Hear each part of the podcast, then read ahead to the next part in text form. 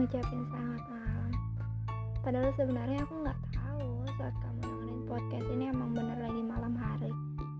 Atau kamu dengerin podcast ini lagi siang hari, sore hari atau mungkin subuh hari ya bisa kamu salat subuh. Tapi rata-rata orang yang ngedengerin podcast itu pada malam hari. Kan rata-rata. Oh iya, Tadi malam aku dapat pesan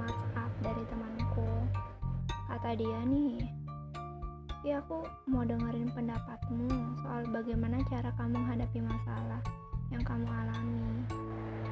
Hmm, jujur ya, sebenarnya aku bukan orang yang tepat untuk ngomongin cara menghadapi masalah.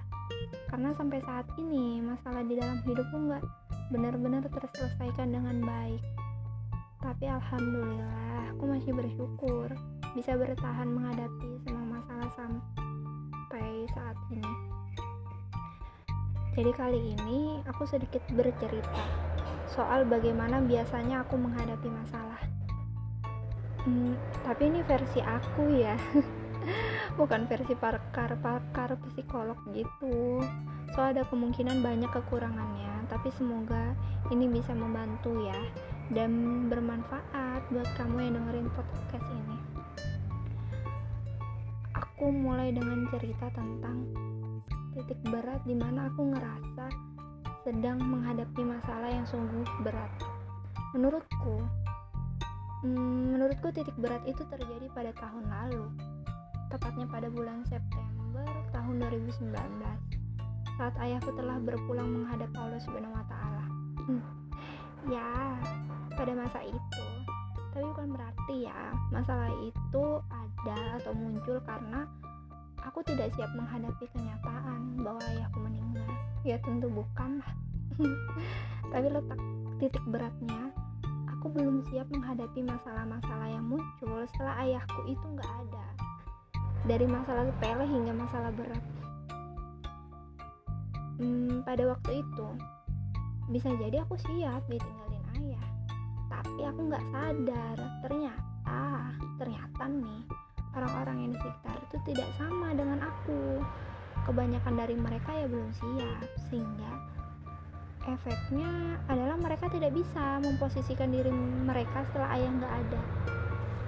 Jadi ya kayak menghilangkan peran-peran mereka lah yang seharusnya mereka demikian jadi nggak demikian gitu loh.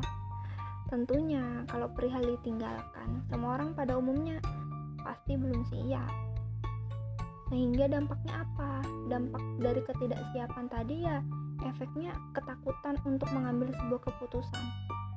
Mungkin ya tadi benar kan karena dia belum siap menghadapi kenyataan-kenyataan tersebut. Karena hal demikianlah membuat aku memulainya dari nol lagi yang seharusnya ketika ayah nggak ada aku meneruskan tapi aku malah memulai lagi ya memulainya gimana sih? Maksudku memulai ini ya aku harus menyadarkan orang-orang di sekitarku bahwa ayah sudah tidak ada dan kita harus meneruskan kehidupan ini. Jadi ya nggak melulu sedih sedih sedih sedih kayak gitu. Nah menyadarkannya perihal apa? Ya perihal tadi perihal tentang peran-peran peran-peran yang emang seharusnya mereka tetap laksanakan kayak gitu. Bukan mereka tinggalkan atau mereka berhenti. Tapi eh, berjalannya waktu menyadarkan itu bukan perihal yang mudah. Aku harus menurunkan egoisku kemudian aku ngomong dari hati ke hati kemudian baru masuk masuk pada penyadaran. Membuka logika demi logika contoh kecil nih contoh kecilnya ya pada waktu itu aku diskusi kecil-kecilan sebab akibat. Contohnya aja jika semisal kita nggak makan dampaknya itu apa sih? Ini contoh kecil. Jika semisal kita tidak mencari uang dampaknya itu apa sih? Nah penyadaran-penyadaran kecil seperti itu jadi ini titik beratnya, menyadarkan orang di sekitar, kemudian menguatkan mereka padahal nih ya. padahal ya aku belum tentu kuat. Jadi tapi aku ya sok kuat aja sih di depan mereka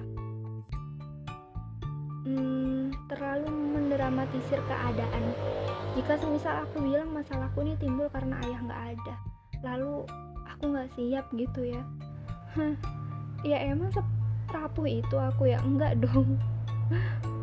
Tapi ya bukan aku nggak sayang sama ayahku juga sih.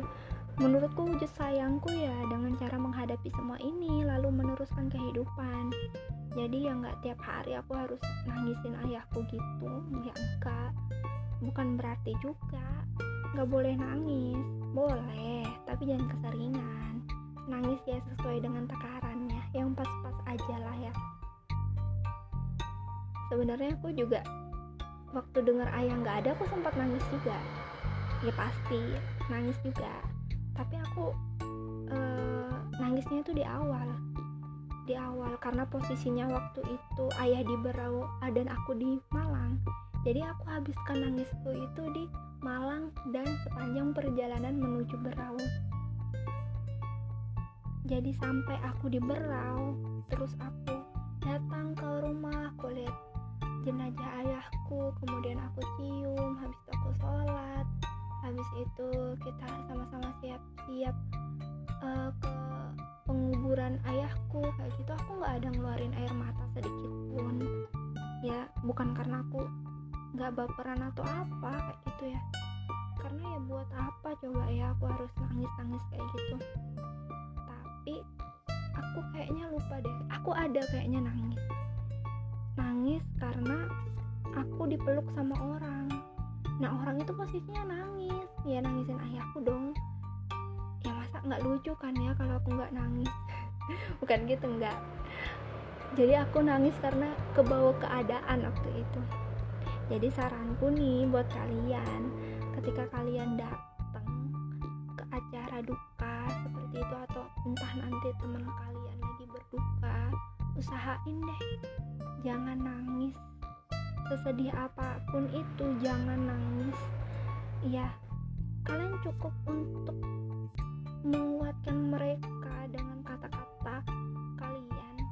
Kemudian uh, memberi motivasi dan memberi apa ya yang memberi motivasi atau senyuman seperti itu ajalah menurutku itu lebih lebih baik dibandingkan harus memeluk kemudian menangis. Karena kalian akan memberikan uh, energi negatif kalian ke orang tersebut. Ya mungkin emang sedih sih ya tapi kalian harus lebih kuat dibandingkan orang yang rapuh tadi eh, orang yang sedang berduka tadi tuh. Hmm, tadi di awal kan aku berasumsi ya kalau titik berat dan masalah berat itu ada ketika ayahku pergi. Kenyataannya masalah ini menjadi berat karena yang sadar akan masalah ini yang sadar akan menghadapi masalah ini hanya segelintir orang saja nggak banyak sehingga menjadi berat. Itu poinnya jadi mau ada atau nggak ada ayahku masalah ini akan berat jika yang sadar untuk menghadapi masalah ini hanya sedikit orang saja maksudnya adalah Nah, semisal ketika masalah ini harus dihadapi oleh lima orang, kemudian kelima orang ini ternyata tidak sadar, kan kita harus mengulang lagi. Kita harus memusyawarahkan. Ya, kita ya harus mau nggak mau harus menyadarkan ini. Padahal sebenarnya. Uh, polanya bukan demikian. Polanya itu ya harusnya udah sampai pada bagaimana caranya kita memusyawarahkan masalah ini kemudian kita menentukan keputusan. Begitu kan? Tapi karena yang sadar hanya dua atau satu orang ya masalah ini akan menjadi berat. Itu hal yang perlu diingat nih bahwa masalah itu akan tetap ada di dalam hidup kita suka nggak suka mau atau nggak mau ya tetap ada. Tentunya akan menjadi proses untuk kita agar kita lebih dewasa lagi dan kita lebih baik lagi nih. Jadi itu sih maksudnya singkat cerita yang tadi aku berasumsi kalau masalah terberat dalam hidup aku dari situ aku belajar belajar bagaimana caranya aku menghadapi masalah. Tapi sebelum kita tahu bagaimana cara menghadapi masalah versi aku ya kita harus tahu dulu mengapa kita harus menghadapi masalah. Kenapa nggak kita lari aja? Kenapa nggak kita bodoh amat aja sama masalah? Bukannya itu bikin pusing ya kalau kita menghadapi kayak gitu. Jadi berawal dari kata mengapa mengapa kita harus menghadapi masalah? Pertama ya uh, masalah itu dapat membuat kita lebih mengenal diri sendiri. Percaya nggak percaya? Masalah ini akan membuat kamu mengenal diri kamu sesungguhnya itu seperti apa. Kita pernah dengar kan proses mencari jati diri? Untuk seseorang yang mencari mencari jati diri nih alangkah lebih baiknya dimulai dari belajar menghadapi masalah dari sini dulu. Semisal nih ya aku kasih contoh kecil. Ketika kita sedang menghadapi masalah uh, masalah apa ya? Masalah sama orang tua deh ya. Masalah sama orang tua kita dimarahin sama orang tua kita karena kita telat pulang pada malam hari. Pasti kalau perempuan pasti dimarahin kan ya nah ketika kamu menghadapi masalah ini apa sih yang harus kamu lakukan? Gitu kan? Apa sih yang harus kamu pikirkan? Pasti kamu bingung kan? Pasti kamu kesel. Kenapa sih orang tua aku tuh uh, marahin aku? Kayak gitu.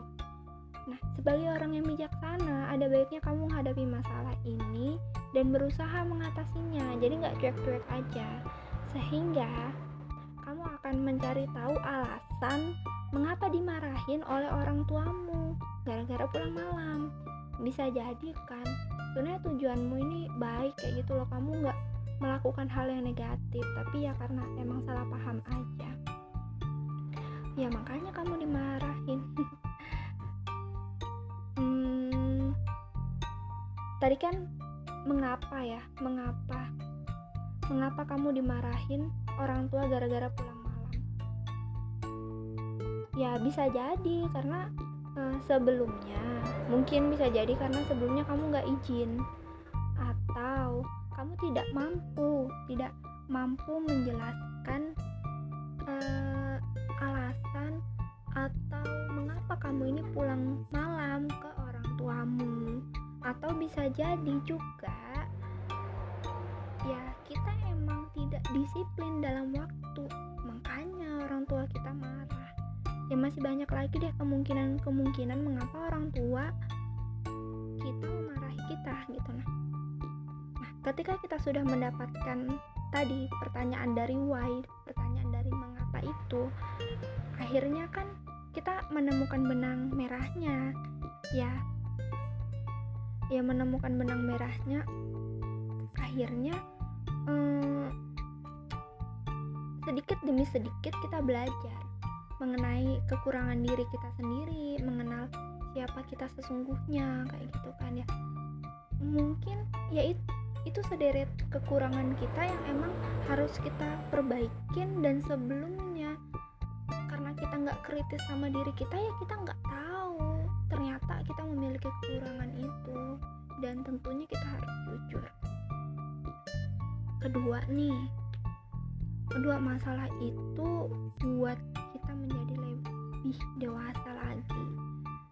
Ya tanpa disadari kita emang butuh banget masalah.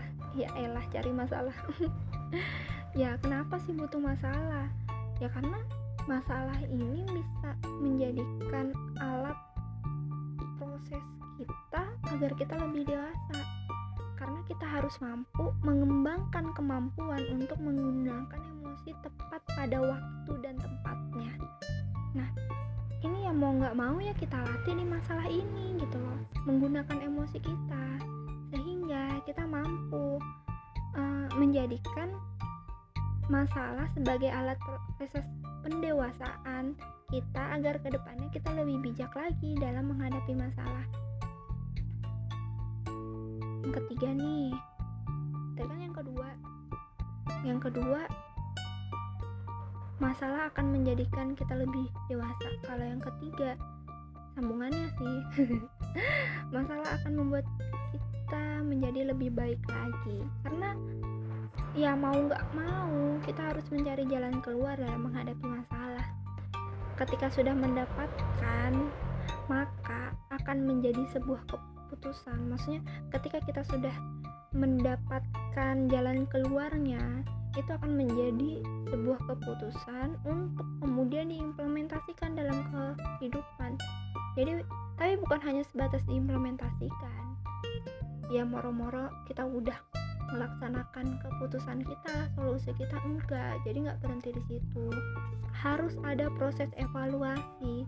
Apakah cara cara ini udah tepat atau belum?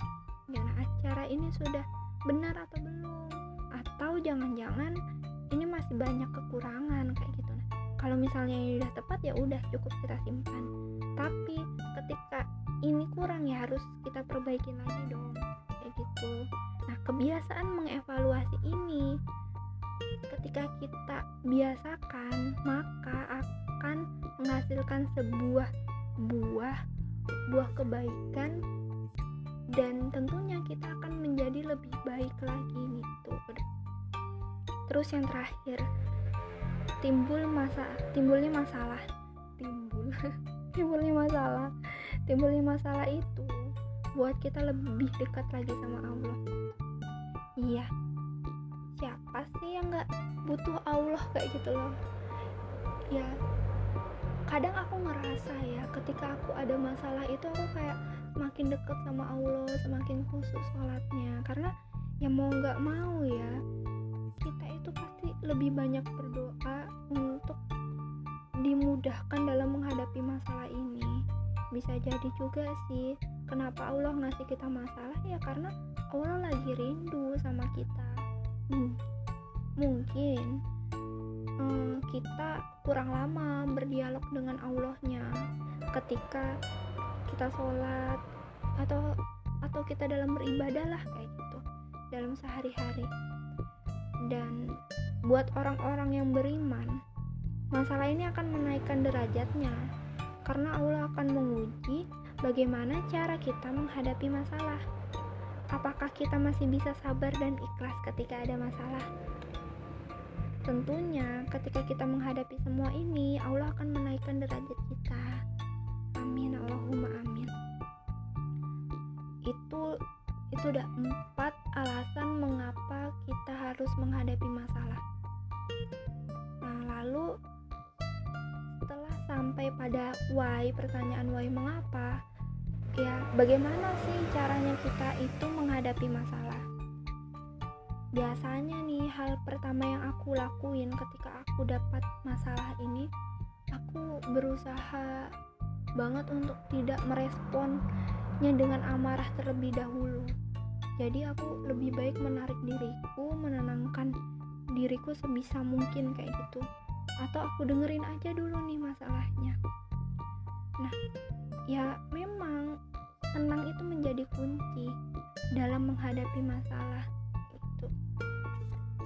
jangan sampai kita ke depannya tergoda untuk mengedepankan emosi terlebih dahulu. Nah setelah kita tenang mulai nih merefleksikan diri kita percaya atau nggak percaya masalah ini timbul karena uh, muncul dari internal kita sendiri Sebelum kita menyalahkan orang lain, maka ada baiknya kita bertanya kepada diri kita sendiri dulu. Apa yang kamu lakukan ketika masalah ini eh apa yang kamu lakukan sehingga masalah ini tuh ada gitu loh. Lalu bagian salahnya yang mana kayak gitu kan. Kemudian ketika kita udah selesai sama diri kita sendiri, baru kita ngeliat nih lawan dari masalah ini. Maksudnya dengan siapa kita bermasalah kayak gitu loh. Kan ya entah pada teman kah orang tua kah atau orang lain. Dan ketika kita sudah memandang maksudnya ketika kita sudah berpikir pada pada orang lain itu maksudnya bukan kita bukan di internal kita ya kita berhenti untuk menyudutkan orang lain. Karena harus kita sadari titik permasalahannya itu bukan pada orang tersebut atau bukan pada orang orang tua kita atau bukan pada sahabat kita. Letak permasalahannya ada pada ya masalahnya itu sendiri bukan pada orangnya. Jadi kita harus fokus pada masalahnya bukan orangnya. Jadi berhenti menyudutkan atau menghakimi langkah selanjutnya nih. Langkah selanjutnya ketika kita udah selesai mengevaluasi diri kita terus kita mengevaluasi lawan kita atau orang lain tadi itu ya kita mulai mencari tahu kok kita sih? Ya aku nih aku ber aku mencari tahu mencari tahu uh, bagaimana cara caranya aku mengatasi masalah ini. Biasanya aku gunain buku buku aku baca-baca buku dulu atau enggak kalau nggak ada buku aku baca artikel di internet. Nah ketika nggak ada artikel di internet ya aku tanya sama orang. Nah jadi ketika aku udah ngumpulin data-data itu dari buku, artikel, atau tanya sama orang, ya itu masih aku kalkulasiin dulu. Karena informasi ini nggak bisa kita serap serap semuanya masih harus ada yang kita saring. Karena tentunya informasi yang kita dapatkan itu belum tentu kondisinya itu sama dengan masalah yang sedang kita alami. Setelah itu ketika kita sudah mengumpulkan informasi uh, informasi uh, biasanya aku mendiskusikan cara ini cara yang aku dapatkan ini ke teman-teman terdekatku lalu aku tanya deh pandangannya gimana? Ada masukan atau enggak? Aku udah salah enggak ketika aku ngerjain ini? Ketika aku udah dapat output dari temanku. Baru deh aku implementasikan. Karena uh, tadi kan aku udah kayak megang produk keputusan ya.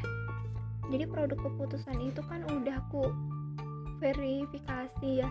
Udah aku cari tahu kemudian aku tanyakan ke temanku terus sudah bisa terus melalui aku juga. Nah kemudian setelah aku implementasi ya aku ngecek nih perkembangannya kayak gimana. Aku cek perkembangannya kayak gimana. Kemudian yang terakhir nih aku evaluasi. Evaluasi apakah cara yang aku gunain ini emang sudah tepat? Ketika sudah tepat aku simpan ketika itu tidak tepat aku perbaikin. Ini sih hal-hal yang uh, aku lakukan ketika aku menghadapi masalah. Jadi belajar bersabar dalam menghadapi masalah. Karena hidup itu hidup itu adalah anugerah men. Anugerah yang diberikan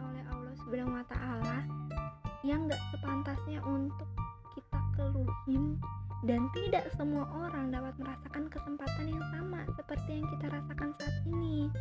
Masalah itu ibarat pertarungan. Jadi, kita harus hadapi dan kita harus lawan agar kita bisa mencapai kemenangan. Uh, oh iya bicara bicara bicara masalah-masalah bicara masalah-masalah banyak tipe orang nih ada orang yang suka membuat masalah ada orang yang suka memperuncing masalah ada juga orang yang suka membicarakan atau menggosipkan masalah ada orang yang menghindar atau bahkan menolak masalah ada juga orang yang menghadapi dan mengatasi masalah. Ada orang yang mensyukuri masalah. Ada juga nih orang pintar melihat peluang dari suatu masalah. Dan yang terakhir, ada orang yang akan naik derajatnya ketika ada masalah. Banyak tipe orang memandang masalah yang sudah aku sebutin di atas tadi ya. Kamu bisa nentuin kamu tipe yang mana. Semua tergantung kamu. Kamu akan menjadi orang yang bagaimana ya? Kembali lagi ke kamu udah sih itu aja. Hmm, terima kasih ya udah mau dengerin ini dari awal hingga akhir. Podcast ini emang masih banyak banget kekurangannya. Silahkan dikoreksi sama-sama agar ke depannya podcast ini bisa menjadi lebih baik lagi. Atau kalau ada yang mau tanya-tanya silahkan tanya-tanya juga boleh. Kritik, saran, dan pertanyaan silahkan DM ke Instagram saya v underscore slisda terus saya akhiri. Mohon maaf jika ada tutur kata yang tidak mengenakan hati. Sampai ketemu di podcast selanjutnya. Bye. Wassalamualaikum warahmatullahi wabarakatuh